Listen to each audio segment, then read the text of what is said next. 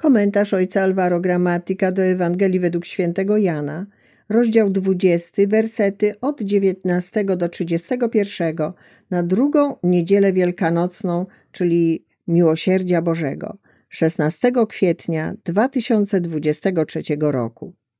Wieczorem w dniu zmartwychwstania, tam gdzie przebywali uczniowie, choć drzwi były zamknięte z obawy przed Żydami, przyszedł Jezus – stanął pośrodku i rzekł do nich: Pokój wam. A to powiedziawszy, pokazał im ręce i bok. Uradowali się zatem uczniowie, ujrzawszy Pana. A Jezus znowu rzekł do nich: Pokój wam. Jak ojciec mnie posłał, tak i ja was posyłam. Po tych słowach tchnął na nich i powiedział im: Weźmijcie ducha świętego, którym odpuścicie grzechy, są im odpuszczone, a którym zatrzymacie, są im zatrzymane. Ale Tomasz, jeden z dwunastu, zwany Didymos, nie był razem z nimi, kiedy przyszedł Jezus. Inni więc uczniowie mówili do niego: Widzieliśmy Pana. Ale on rzekł do nich: Jeżeli na rękach jego nie zobaczę śladu gwoździ i nie włożę palca mego w miejsce gwoździ i ręki mojej nie włożę w bok jego, nie uwierzę. A po ośmiu dniach, kiedy uczniowie jego byli znowu wewnątrz domu i Tomasz z nimi, Jezus przyszedł, choć drzwi były zamknięte, stanął pośrodku i rzekł: Pokój wam. Następnie rzekł do Tomasza: Podnieś tutaj swój palec i zobacz moje ręce. Podnieś rękę i włóż w mój bok. I nie bądź niedowiarkiem, lecz wierzącym. Tomasz w odpowiedzi rzekł do niego: Pan mój i Bóg mój. Powiedział mu Jezus: Uwierzyłeś dlatego, że mnie ujrzałeś? Błogosławieni, którzy nie widzieli, a uwierzyli. I wiele innych znaków, których nie zapisano w tej księdze, uczynił Jezus wobec uczniów. Te zaś zapisano, abyście wierzyli, że Jezus jest Mesjaszem, Synem Bożym i abyście wierząc mieli życie w imię Jego. Uderzające w tym fragmencie Ewangelii jest to, że chociaż uczniowie wiedzieli o zmartwychwstaniu Jezusa, pozostają zamknięci w wieczerniku z obawy przed Żydami. Dla nich wszystko trwa tak, jakby czas zatrzymał się na skazaniu i ukrzyżowaniu Jezusa. W rzeczywistości spodziewalibyśmy się wręcz przeciwnej reakcji, pełnej odwagi.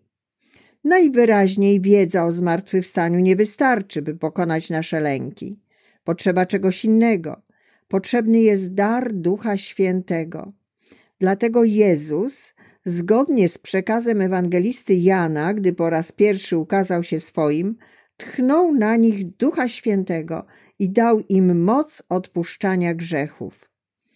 Uczniowie nie tylko otrzymują moc ducha, jak opisuje to Łukasz w dziejach apostolskich, moc, która przemienia ich w odważnych i charyzmatycznych świadków. W Ewangelii Świętego Jana otrzymują przede wszystkim moc odpuszczania grzechów. Jan bowiem łączy dar ducha z przebaczeniem grzechów. Możemy zatem wywnioskować, że prawdziwym lękiem, który należy pokonać, jest lęk przed grzechem, przed sądem, przed brakiem miłosierdzia.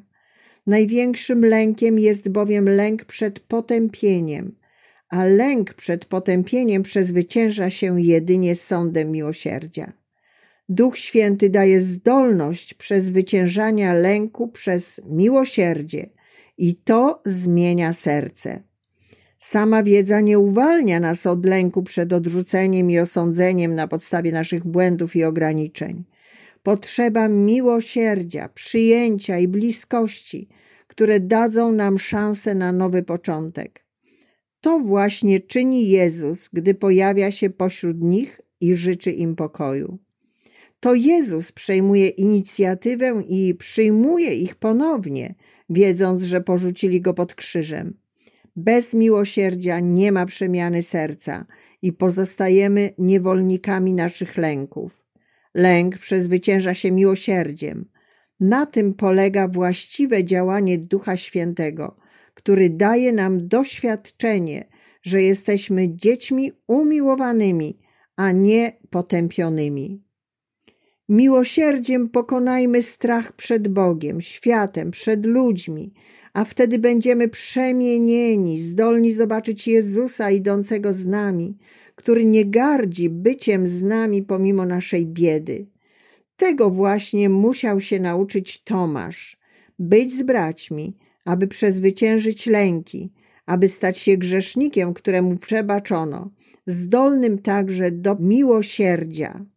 Tylko wtedy ujrzymy Jezusa pośród nas, w pokoju z nami wszystkimi.